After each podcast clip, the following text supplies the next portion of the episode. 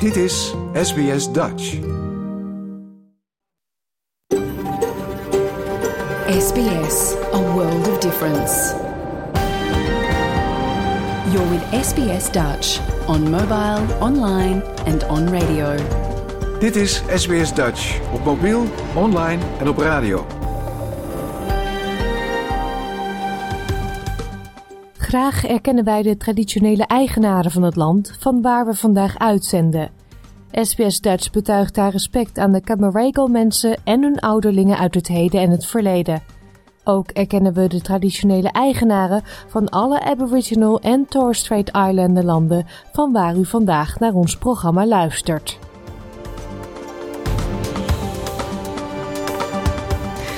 Hele goede morgen. Mijn naam is Paulien Roesink. Het is woensdag 1 november 2023 en dit is SBS Dutch, het Nederlandstalige radioprogramma van SBS.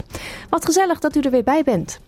Het aankomende uur gaan we samen genieten van fijne muziek uit Nederland. En u kunt luisteren naar interessante verhalen, zoals dat van de Nederlandse Laura Higgins uit Early Beach. De moeder van twee fietst al jaren in oktober voor het goede doel. En dit keer deed ook haar achtjarige zoontje mee. Straks meer. We praten ook met Nicolien van Vroonhoven. Ze was jaren woonachtig in Melbourne en in die tijd was ze wekelijks hier bij SBS Dutch te horen als onze vaste politiek commentator. Nicolien woont alweer een tijdje in Nederland en heeft een gigantische drukke tijd voor de boeg. En dat heeft alles te maken met de Tweede Kamerverkiezingen die over drie weken plaatsvinden. We leggen ook uit wat de Australische klimaatdoelstelling Net Zero in 2050 precies betekent. En u hoort meer over het gisteren aangekondigde fonds om meer vrouwen en meisjes aan het voetballen te krijgen. Dat allemaal straks, maar we beginnen zoals iedere woensdagmorgen met de SBS Nieuwsflits.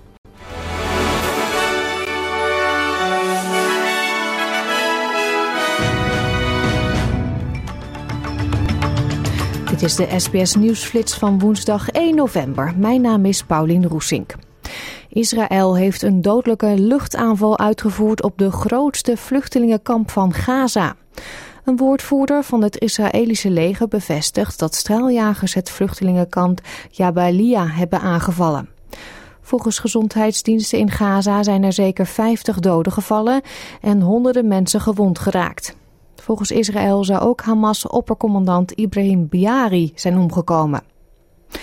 Het leger van Hamas heeft verklaard om van plan te zijn de komende dagen enkele niet-Israëlische gijzelaars vrij te laten. Ongeveer 240 mensen worden sinds 7 oktober vastgehouden door Palestijnse militanten. Een woordvoerder bevestigt dat de vrijlating het resultaat is van bemiddeling door landen waarvan hij de namen niet openbaar maakte. In het zuiden van Queensland hebben inwoners van Delvine, The Glen, Silverwood en Cherry Gully het advies gekregen om onmiddellijk te evacueren vanwege hevige bosbranden. De brandweer heeft zijn handen ook vol aan een bosbrand in Tara, ten westen van Brisbane. Afgelopen week kwam bij die brand één persoon om het leven, is 20.000 hectare land in de as gelegd en zijn 53 huizen in vlammen opgegaan. De schade in Queensland is hiermee groter dan tijdens de Black Summer branden in 2019. In het noorden van New South Wales worden mensen gewaarschuwd om waakzaam te blijven. In Tenterfield, ongeveer 15 kilometer ten zuiden van de grens met Queensland, was de brandweer gisteren met mannenmacht bezig om zeven branden op verschillende plekken rondom de stad te blussen. Vanaf vandaag geldt een nieuwe Medicare Benefit Schedule, waardoor huisartsen meer geld kunnen claimen bij de federale overheid voor het bulkbillen van jonge ouderen en concessiekaarthouders. Het federale hof hervat vandaag de hoorzittingen in een zaak die is aangespannen door een traditionele landeigenaar op de Tiwi-eilanden. Die wil voorkomen dat mijnbouwbedrijf Santos een onderwater gaspijpleiding in het gebied mag aanleggen. En de Franse politie heeft een ongewapende vrouw neergeschoten nadat ze tijdens de ochtendspits jihadistische bedreiging had geuit op een treinstation in Parijs. Omstanders waarschuwden de politie voor de 38-jarige volledig gesluierde vrouw die met de trein reisde. De politie isoleerde haar op een station waar ze zich naar verluid weigerde bevelen op te volgen en dreigde zichzelf op te blazen. Tot zover deze nieuwsflits. Volg de SBS Dutch podcast voor meer nieuws en achtergronden of bezoek onze website www.sbs.com.au/dutch.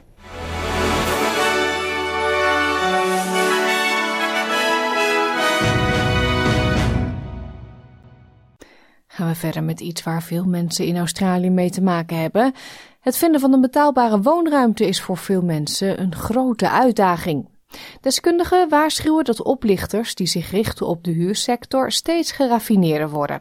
Vastgoedplatforms en huurders worden dan ook opgeroepen waakzaam te zijn. SBS Dutch, woensdag en zaterdag om 11 uur ochtends of online op elk gewenst tijdstip.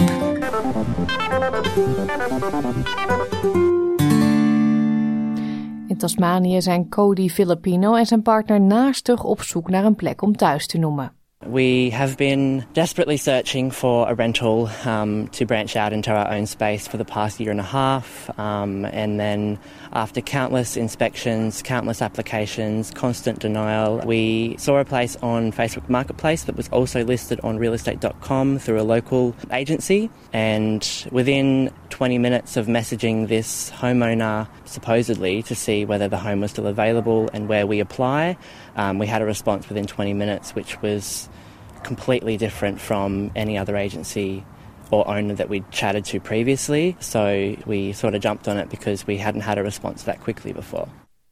Wat ze toen nog niet wisten is dat ze werden opgelicht. It was exactly the same description, exactly the same photos. It had the watermark in the photos um, from the agency. It had, um, he requested documentation that would normally be requested for a rental. Um, he even did up an application form that looked fairly similar to other ones I filled out before. Um, so I guess in the desperation of it, we were kind of oblivious to some red flags. De oplichter keurde de huuraanvraag van het echtpaar goed en zij deden daarop volgend een aanbetaling. So at first they requested the bond payment, which was, I believe, a total of $1,840, um, which we had sent through to their bank account on the Saturday. Um, and then the following day they had requested the additional two weeks' rent, which was an equivalent of $940. Toen kwam de eerste red flag. It was on the Sunday night after we had sent the additional two weeks' rent to that account um, that morning. Um, and then the, we received a message at about five o'clock, I'd say, for from that person asking for an additional two weeks' rent as the homeowner wanted four weeks' rent rather than the standard two weeks. Um, that's when we of started to realize that it could have been a scam. Zodra het echtpaar om meer geld werd gevraagd, nam meneer Filipino contact op met de bank waar de oplichter een rekening had en maakte melding. Tegen die tijd was hij voor 2780 dollar opgelicht. Realestate.com.au is een wereldwijd online platform waarop onroerend goed wordt geadverteerd. In een verklaring aan SBS Nieuws staat.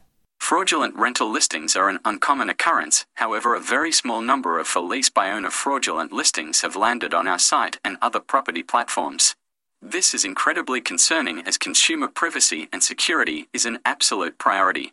We always act swiftly to remove any fraudulent listings that we identify, and alongside our customers, we proactively inform renters who may have unknowingly inquired on a fraudulent listing. Het Real Estate Institute of Australia is de beroepsorganisatie voor de Australische vastgoedsector. De voorzitter Hayden Groves zegt dat makelaars alert moeten zijn op oplichtingspraktijken. Real estate agents are on notice after this particular scam activity, making sure that they remain vigilant uh, and conduct themselves in a professional manner um, that mitigates the possible risk to the consumer and the, and the, the remaining public uh, to make sure that they're uh, doing the right thing, following the law, making sure that they're uh, not putting the public at risk. De non-profit identiteits- en cyberondersteuningsdienst ID-Care behandelt momenteel meer dan 700 gevallen van huuroplichting voor een totaalbedrag van meer dan 100.000 dollar. Dit komt neer op een gemiddelde van bijna 2500 dollar per persoon. Internationale studenten die geen huurgeschiedenis hebben in Australië vinden de zoektocht naar huisvesting bijzonder moeilijk. U hoort Azal. Really hard because uh, I was um, looking through every single rental website, every available source uh, daily, on every day, like for several hours. I was scheduling many, many um, inspections, but like every place had some pros and cons, and I couldn't find like it was really hard to find a good place to stay. Toen zag ze op Facebook Marketplace een advertentie voor een huurwoning in het centrum van Sydney. I found a really nice place on a George Street in the city. Um, the price was average. Um, I texted owner, talked every, uh, talked to him, and everything seemed to be nice, like real, legitimate. But since I was in the city, um, returning from the university, I decided like just let me try go and see that place from the like uh, outside that building, check with that if it's real. I went, uh, spoke with the concierge there, and um, after several calls, it turned out to be that the owner of this place is not renting that place.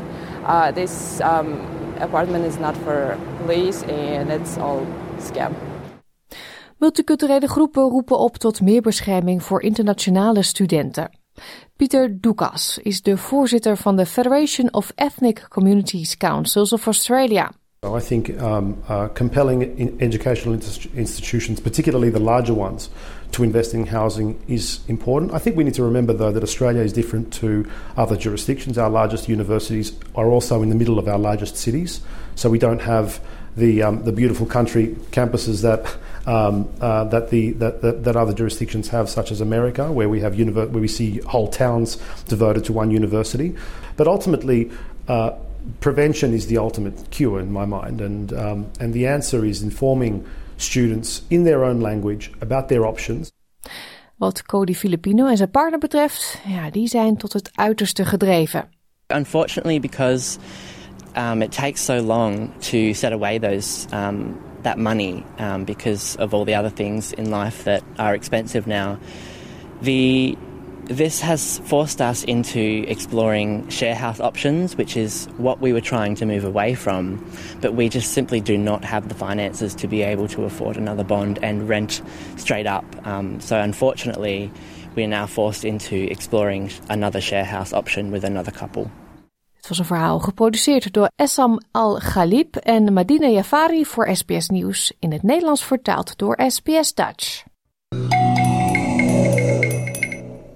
Het is niet voor het eerst dat Laura Higgins uit Early Beach op de fiets springt voor het goede doel. Maar afgelopen maand was het wel voor het eerst dat haar achtjarige zoon Kane mee fietste om geld in te zamelen voor onderzoek naar kinderkanker. In oktober legden de twee 200 kilometer af en haalden daarmee ruim 2200 dollar op.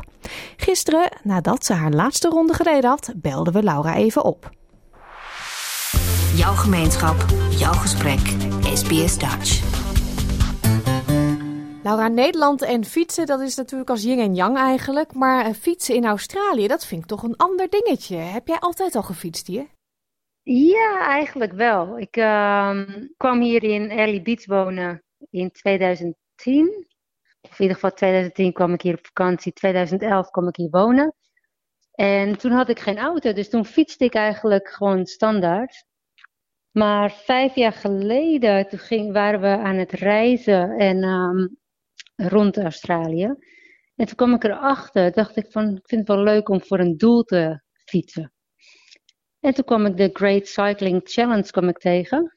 Uh, ja, toen heb ik me daarvoor opgegeven. Dus... Ja, want wat is dat? Dat is een, uh, een, een, uh, een, een, commitment die je aangaat om zoveel mogelijk te fietsen voor het goede doel. Ja, so het is voor het goede doel. Het is voor um, raise money to fight kids cancer. Dus uh, er zijn heel veel kindjes um, die worden ja, geboren eigenlijk met kanker. Of die krijgen op hele jonge leeftijd krijgen ze kanker.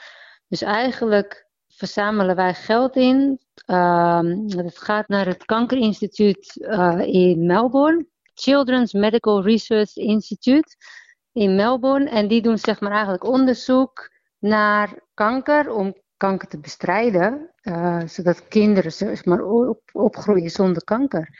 Ja. Nou zeg je wij, je fietst niet alleen. Nee, ik fiets met mijn zoontje. Hij is bijna acht. Dus um, ja, hij zei, mama, ik wil, uh, ik wil mee fietsen dit jaar. Zo, hij fietste vorig jaar ook al een beetje mee en dat jaar ervoor. Uh, maar dit jaar ja, ging hij echt lange stukken fietsen. Dus ja, we doen het eigenlijk samen dit jaar. En dan mijn dochter, die gaat achterop de fiets, die is vijf.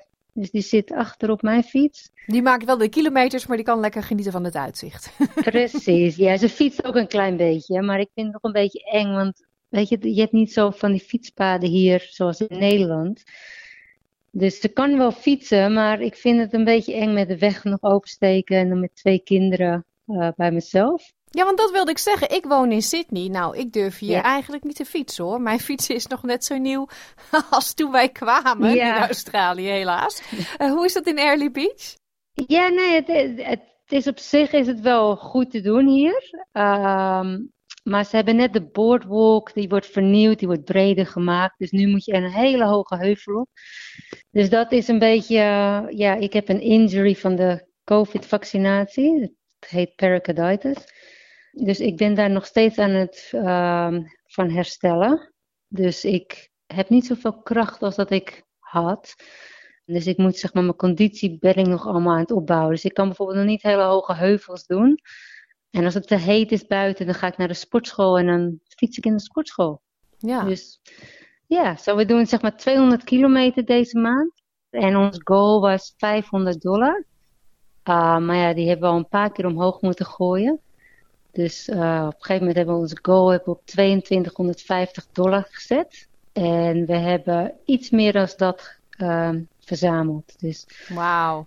En mensen kunnen nog steeds storten ook. Ja, want uh, oktober was dan de maand van de Great Cycle Challenge. Ja. Um, elke dag een klein stukje of soms een lekkere langere rit? Nou, de langste dat we gedaan hadden was volgens mij 16,2 kilometer op één dag. Uh, is niet zo heel veel. Uh, twee jaar geleden fietste ik in Exmouth in WA. Fietste ik, oh wat was het, 45 kilometer op een dag. Um, maar ja, omdat ik nu nog herstellende ben, kan ik niet zo heel ver fietsen. Want dan, als ik fiets, daarna slaap ik even een uurtje om weer bij te komen. Maar um, ja, in ieder geval 200 kilometer hebben we gehaald. En um, ja, super trots op mijn zoontje ook. Ja, dat kan ik me voorstellen. Die heeft die fietsgene toch wel van jou uh, meegekregen?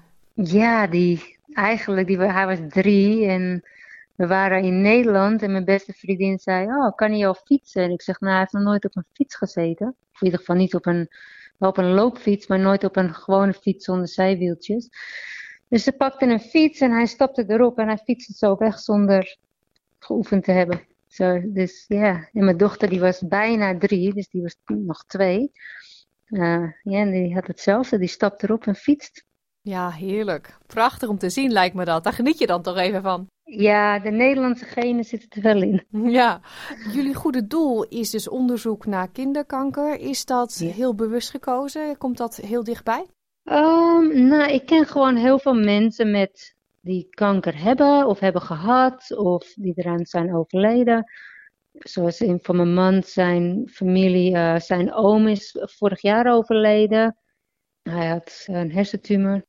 Uh, ja, weet je, een uh, oude vriendin van me in Nederland, die had borstkanker, die is nog steeds aan het herstellen daarvan. Uh, een uh, andere goede Australische, dat is eigenlijk onze Australische familie, die, um, zij heeft, bijna elk jaar heeft ze, komt dat kanker wel terug. Dus ja, weet je, we hebben een heel goede vriend verloren aan, aan longkanker. Dus we kunnen eigenlijk kunnen we wel zo doorgaan met hoeveel mensen wij kennen die kanker hebben gehad of overleden zijn of nog steeds hebben. En weet je, we vinden gewoon kanker. Ja, er is zoveel kanker. En vooral met die kleine kindjes die kanker hebben. Um, ja, weet je, ik, ik ben moeder en uh, ik, ik kan me niet voorstellen om elke dag in een ziekenhuis te zitten en je weet niet of je kind het gaat overleven of niet. Nee. En daardoor wilde ik gewoon elk jaar wilde ik gewoon voor dit goede doel geld inzamelen. Um, weet je, het is dan wel voor kinderkanker, maar het is ook natuurlijk voor eigenlijk elke soort kanker. Uh, als er een doorbraak in komt, um, dan is het voor elke kanker kan het wel heel goed zijn. Mm -hmm. Ik zit op uh, jullie uh, pagina te kijken van de ja. Great Cycle Challenge. Je kan helemaal zien waar je gefietst hebt. Wat leuk! Ja, ja, je kan ook kijken waar we gefietst hebben. Ja, klopt. Ja, en ja. Uh, je bent gewoon van alle mensen die in Queensland meedoen, zijn jullie gewoon uh, 56ste. Dat vind ik ook niet ja, verkeerd.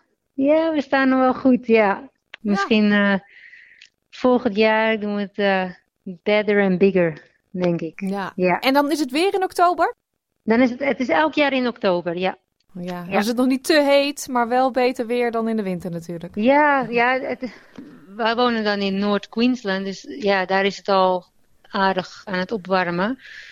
Maar we hebben ook in, dat waren rond, we hebben vier jaar rondgereisd in Australië met de caravan.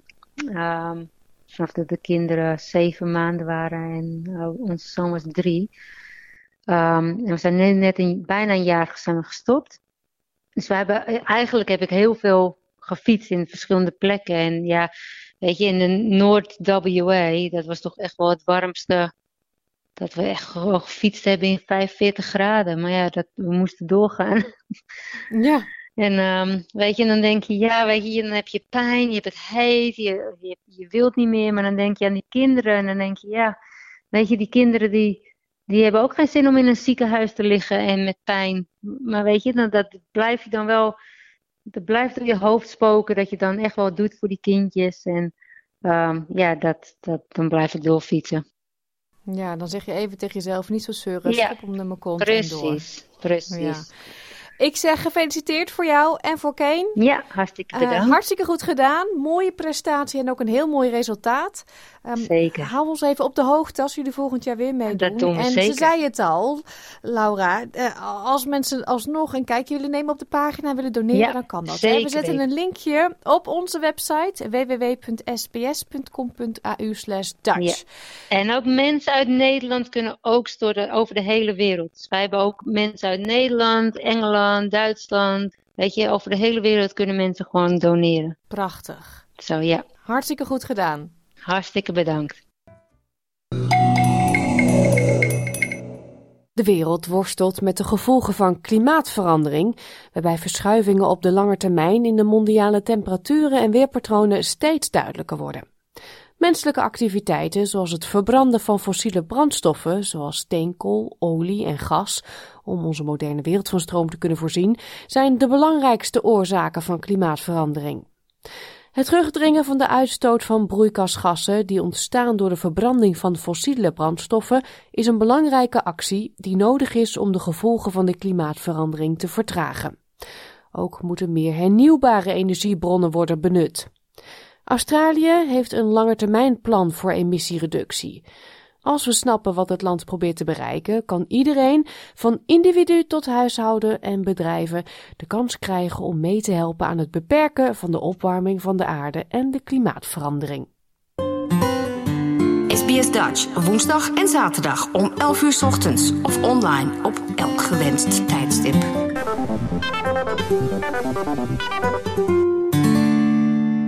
Bij de verbranding van fossiele brandstoffen komen grote hoeveelheden koolstofdioxide en andere broeikasgassen in de atmosfeer terecht. Dit resulteert in een opwarming van de temperatuur wereldwijd, omdat de opeenhoping van broeikasgassen in de atmosfeer van de aarde meer warmte van de zon vasthoudt. Klimaatverandering betekent meer dan alleen maar de opwarming van de aarde. De aarde is een complex systeem en de gevolgen van klimaatverandering zijn ook te zien aan de steeds erger wordende droogtes, branden, overstromingen en stormen. De opwarming van de zee, de stijgende zeespiegel, het smelten van het ijs op de poolkappen en de gevolgen voor de biodiversiteit maken allemaal deel uit van de klimaatverandering, waardoor ons voortbestaan mogelijk wordt bedreigd. Het terugdringen van de impact van klimaatverandering impliceert het terugdringen van de hoeveelheid broeikasgasemissies en het overschakelen van het gebruik van fossiele brandstoffen naar hernieuwbare energiebronnen zoals wind, zonne- en golfenergie. Australië heeft een langetermijnplan voor de reductie van de uitstoot van broeikasgassen geïmplementeerd om de opwarming van de aarde te beperken. Dr. Simon Bradshaw, die als onderzoeksdirecteur bij de Klimaatraad onderzoek doet naar klimaatverandering, legt uit met welke uitdagingen we te maken hebben. Australia, like most countries, has committed to achieving net zero emissions by 2050. Now, that's a lot of change. That means repowering the way we are powering our homes and our industries, so changing the way we produce electricity, getting much more energy from the sun and the wind into our electricity system, and very quickly moving beyond fossil fuels entirely. En hoewel 2050 nog ver weg lijkt, zegt Dr. Bradshaw dat de tijd begint te dringen om actie te ondernemen om de uitstoot te verminderen. Now, the science is clear that globally we've got to roughly halve those greenhouse gas emissions this decade and get to net zero emissions as soon as possible. So, we've got to deal with that urgently if we're to have a safe and prosperous future.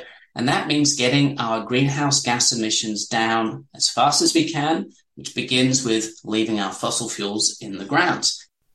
De Australische regering heeft in 2022 de Climate Change Bill geïntroduceerd, waarin de Australische doelstellingen voor de reductie van de uitstoot van broeikasgassen wordt uiteengezet. Aaron Tang, die als onderzoekspartner werkt aan klimaatbeleid bij het Center for the Study of Existential Risk aan de Universiteit van Cambridge en een doctoraat heeft en docent is aan de Australian National University, legt het uit. Australia's climate change bill aims to reduce emissions by 43% from 2005 levels by 2030 and reach net zero emissions by 2050. Now, this is a big picture target. Australia has previously had a bit of trouble maintaining consistent climate policy at the federal level. The climate change bill hopefully provides much needed stability moving forward and is a foundation for even more ambitious action in the future. Netto nul emissie betekent het bereiken van een algeheel evenwicht tussen de geproduceerde broeikasgasemissies en de broeikasgasemissies die aan de atmosfeer worden onttrokken. Om een netto nul emissie te bereiken zijn volgens Dr. Tang investeringen in duurzame energie nodig. We get half of our energy from burning coal. Investing in other ways to produce energy in Australia will not only reduce our own emissions and lower energy prices, but also create economic opportunities across the Asia Pacific. We can be world leaders in renewable energy industries. Dr. Bradshaw is het ermee eens dat Australië in een ideale positie verkeert om het voortouw te nemen op het gebied van het gebruik van hernieuwbare energie. Now, we're lucky in Australia because we're one of the sunniest and windiest countries on the planet, so there's enormous potential to be changing the way we produce electricity. In fact, in doing so, we can be guaranteeing ourselves more affordable and reliable power as well. Ook wij hebben allemaal de mogelijkheid om deel uit te maken van deze verandering. Right now, most journeys we make are in polluting petrol and diesel powered cars, and we need to move to a future where we are getting out of our cars, making more of those journeys on foot and through public transport. And of course, government policies and investment are going to be really important to enable that. But also, if we do still need to be using cars, then we're making those journeys in electric vehicles, which are becoming more and more affordable. Naast de manier waarop we ons vervoeren, zijn er nog andere handelingen die we allemaal thuis kunnen doen.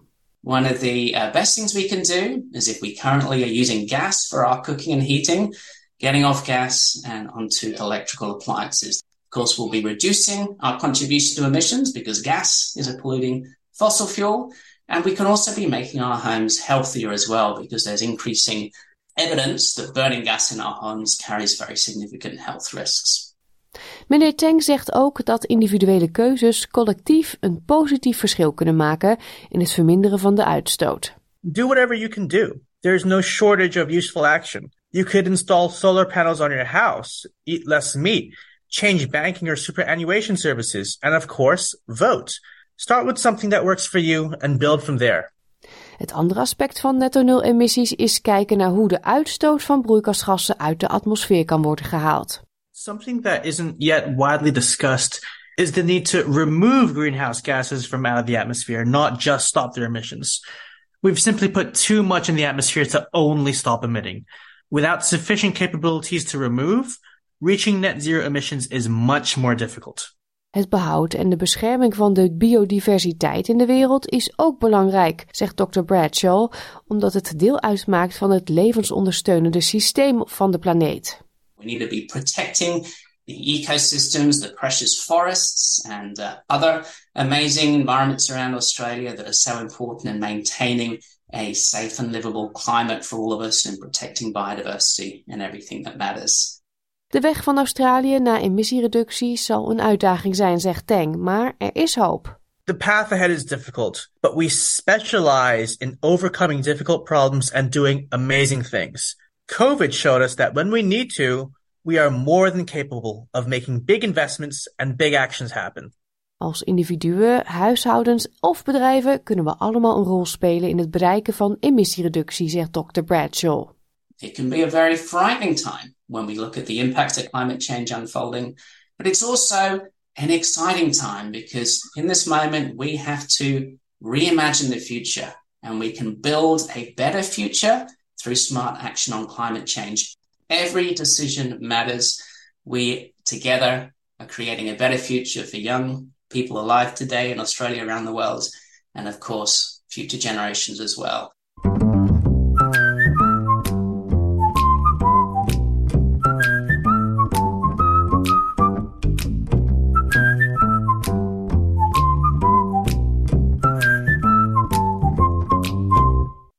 Het succes van de Matilda's op de FIFA Women's World Cup 2023 en ter voorbereiding op hun laatste Olympische kwalificatietoernooi hebben Commonwealth Bank en Football Australia hun krachten gebundeld om het Growing Football Fund te introduceren. Het fonds probeert 50.000 vrouwelijke deelnemers aan te trekken en te behouden. Er worden subsidies verstrekt, variërend tot 5000 dollar aan lokale clubs en verenigingen in het hele land, met als specifiek doel het bevorderen van de deelname van vrouwen en meisjes aan het voetbal. Het fonds zet in op de ontwikkeling van coaching door middel van beurzen, technische training en netwerken in het hele land. Monique McLeod is Group Executive of Marketing and Corporate Affairs van de Commonwealth Bank. Ze zegt dat de afgelopen editie van de FIFA Women's World Cup in Australië een grote impact heeft gehad op de sport in het land. The FIFA Women's World Cup was such a moment in time. It really just captured the nation as everybody uh, felt and wanted to be a part of the excitement from the Combank Matildas, and they just did a fabulous job. So they really put football on the radar for a new generation of girls who want to play the game. Mevrouw McLeod legt uit waarom Voetbal Australia en Combank het nieuwe Growing Football Fund lanceren. We're launching the Growing Football Fund because it's so important to Combank and to Football Australia that we're involved from the grassroots right through to the elite level. For us, it's an opportunity to further our commitment uh, seeing that inspiration that came from the World Cup and actually just really do more to help young girls and women who want to play the sport. So it's, uh, it's just a great opportunity for us to be able to do more, particularly at that grassroots level. Sarah Walsh is hoofd damesvoetbal bij Football Australia. Ze is een voormalig profvoetballer met een lange geschiedenis in de sport en vertegenwoordigde Australië op nationaal niveau op de Olympische Zomerspelen van 2004, de AFC Women's Asian Cup in 2006 en de FIFA Women's World Cup 2007. Mevrouw Walsh legt uit wat het doel is van de subsidie. The fund has two key objectives. One is to provide community club grants designed to attract and retain women and girls. And, you know, we have a bold target nationally to reach 50-50 through our legacy plan. And we really do believe that these grants will provide the kickstart of investment that clubs require to, to start to think differently about how they offer football to women and girls. The second part to the program is about getting 2,000 coaches through training to be able to have them coach in an environment that's conducive to attracting more women and girls playing the game, which will which will really help us on our way to 50-50. Dus hoe zal dit initiatief communities en het vrouwenvoetbal helpen? U hoort wederom Sarah Walsh. We've done such a good job, I believe, at a national level with our Combank Matildas. We just had sellout matches in Perth. We're driving greater awareness for women in football through our Combank Matildas and, you know, their amazingness on the pitch. We brokered gender pay with the players in 2019, and I think that we have a really good framework for what football could look like, you know, working back from that at a grassroots level. There's no reason why we can't apply the same principles we have with our national team. I believe this growing football fund is going to go a long way to accelerating this change over the next two years. And I'm pretty excited about how we can build on it with Combank. Walsh heeft ook nog wat advies voor mensen die mee willen doen. If you're at a, a, community club or you're a player, make sure that you're knocking down the door of your community club. More information will be coming out in the next couple of weeks. But second, if, if you're a mum or a, or a girl thinking about coaching, please, I, I, encourage you to put your hand up to be a part of this program because uh, we need more women coaching and there's plenty of opportunities for, for you to get involved. So reach out to your club and there'll be more announcements coming soon. Vanaf 8 oktober kan de subsidie worden aangevraagd en over drie maanden, volgend jaar februari, wordt bekendgemaakt wie er daadwerkelijk subsidie zal ontvangen. Dit was een verhaal van SML Galib voor SBS Nieuws in het Nederlands geproduceerd door SBS Dutch. Er is trouwens nog meer voetbalnieuws, want gisteren is bekend geworden dat SBS de exclusieve uitzendrechten heeft binnengesleept voor het WK mannenvoetbal van 2026. Dat vindt dan plaats in Amerika, Mexico en Canada. Alle 104 wedstrijden zijn dan dus live en gratis te bekijken bij SBS. Nu bij SBS Dutch aan boord. In vijf afleveringen nemen wij, Nina van Hatten en Frank Turkenburg, je mee op verschillende schepen van de VOC. Ik vind het heel bijzonder dat zo'n duifke, een klein schepen van 24 meter, overal naartoe kan varen. Reis mee op een historische reis van Nederland naar Australië. Verteld door de ogen van de passagiers en met behulp van verschillende onderzoekers. Maar hoe dicht hij bij de kust van Australië terecht kwam, hoe risicovol het ook was. De laatste twee keren dat we daar waren, hebben we vrij veel nieuwe skeletten gevonden. Ga op avontuur op de Zuiderzee van de 17e eeuw en ontdek samen met ons Australië. Nu bij SBS Dutch. Ja, en dat is een hele mooie serie. Zeker het, uh, de moeite waard van het luisteren. Ga naar onze homepage sbs.com.au slash Dutch. En dan vindt u bovenaan de website een minuutje. Daar staat ook podcastseries bij. En klik dan daarop aan boord. Het is wat mij betreft tijd weer voor een beetje muziek. Uit 1997 draai ik nu voor u Guus Meeuwis en Vergant met Ik tel tot drie. Vijf jaar lang woonde Nicolien van Vroonhoven in Melbourne. En in die tijd was ze met grote regelmaat bijna wekelijks bij SBS Dutch te horen als politiek commentator. Inmiddels is ze anderhalf jaar alweer terug in Nederland en zit ze midden in de voorbereidingen op de Tweede Kamerverkiezingen die op 22 november zullen plaatsvinden. Ze staat namelijk net achter Pieter Omtzigt op de lijst van de nieuwe partij Nieuw Sociaal Contract. Voordat Nicolien naar Australië verhuisde, zat ze ook al in de politiek en dus is ze terug op het oude nest. Is de sfeer in Den Haag in de afgelopen jaren erg veranderd? Dat vroeg ik me af. En ik sprak haar onlangs in Nederland in het Tweede Kamergebouw. SBS Dutch, woensdag en zaterdag om 11 uur ochtends of online op elk gewenst tijdstip.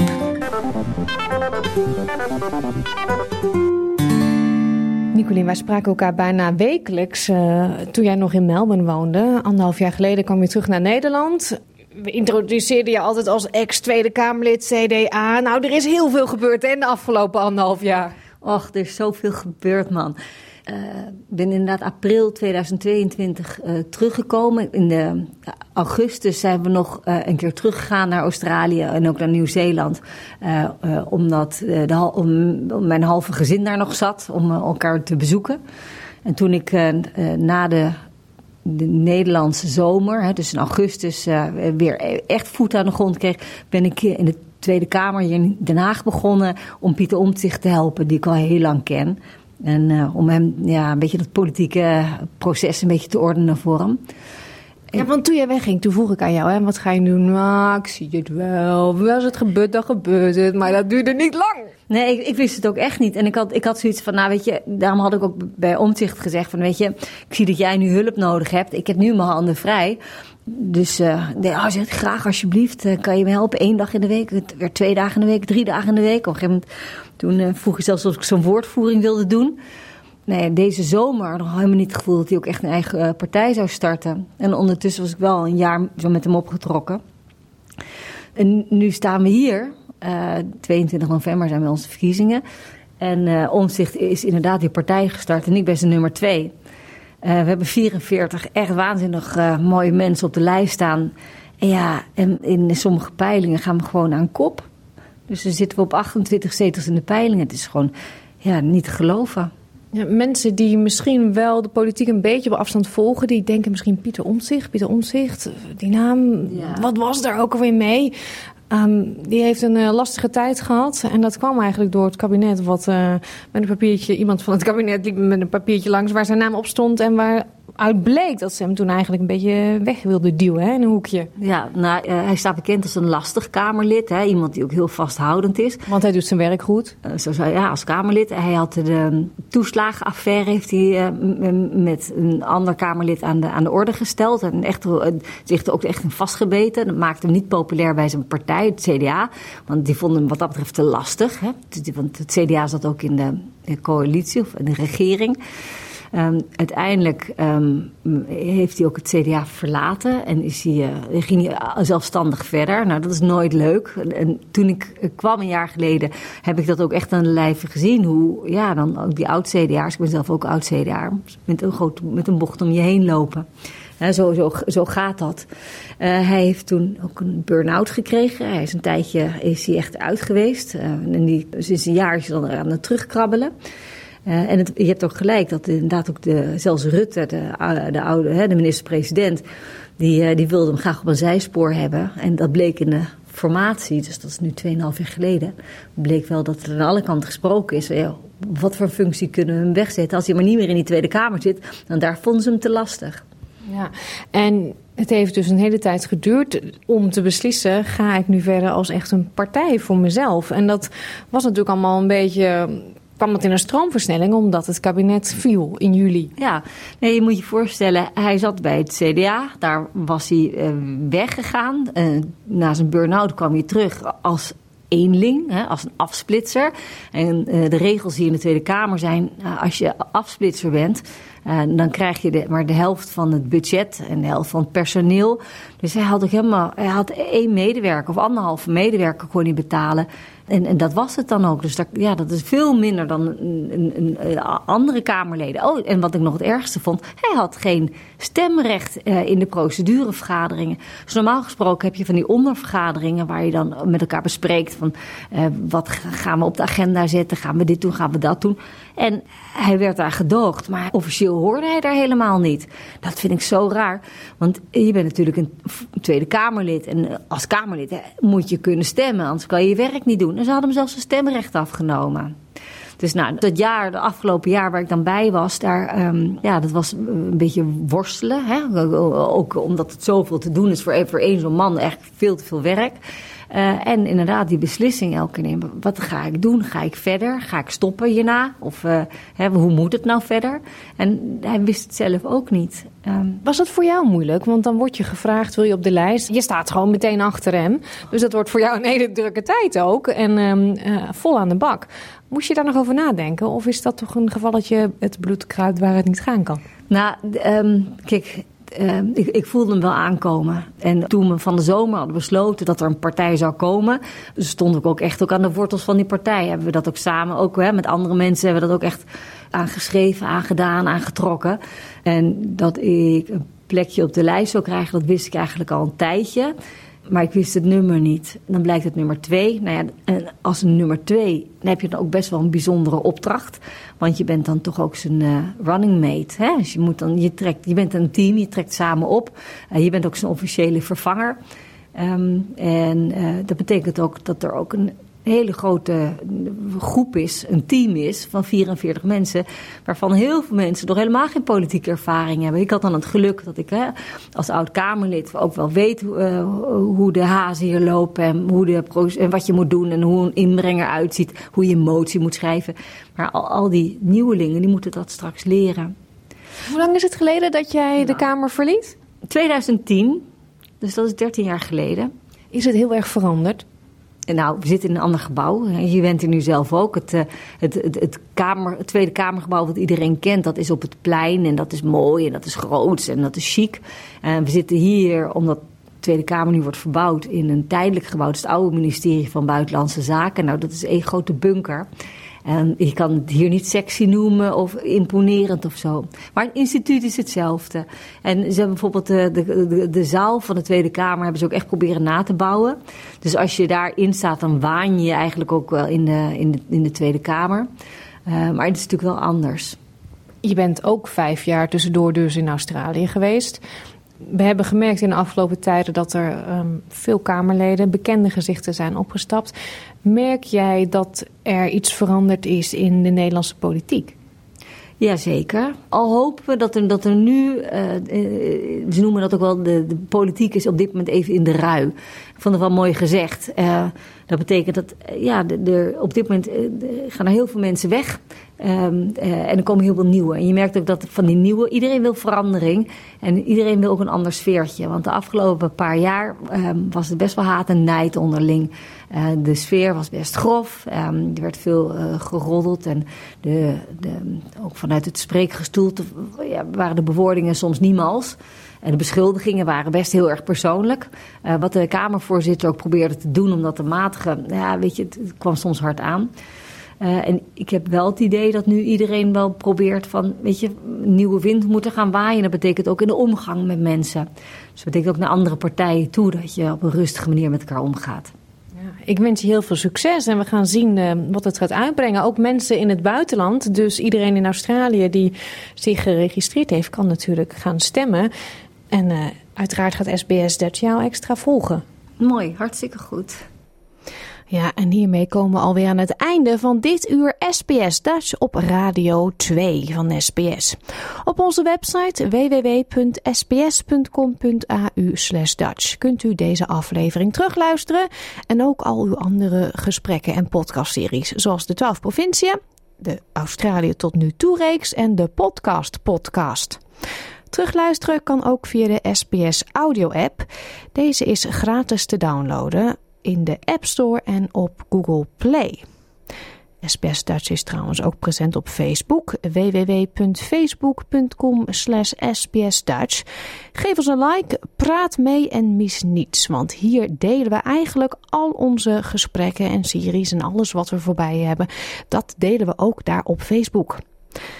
We eindigen vandaag met een duet van uh, Ramses Shaffi en Lisbeth Leest. Maar niet de uh, of de kantaten zoals we vaker draaien, maar 24 rozen. Ik wens u een hele fijne middag en heel graag tot zaterdag.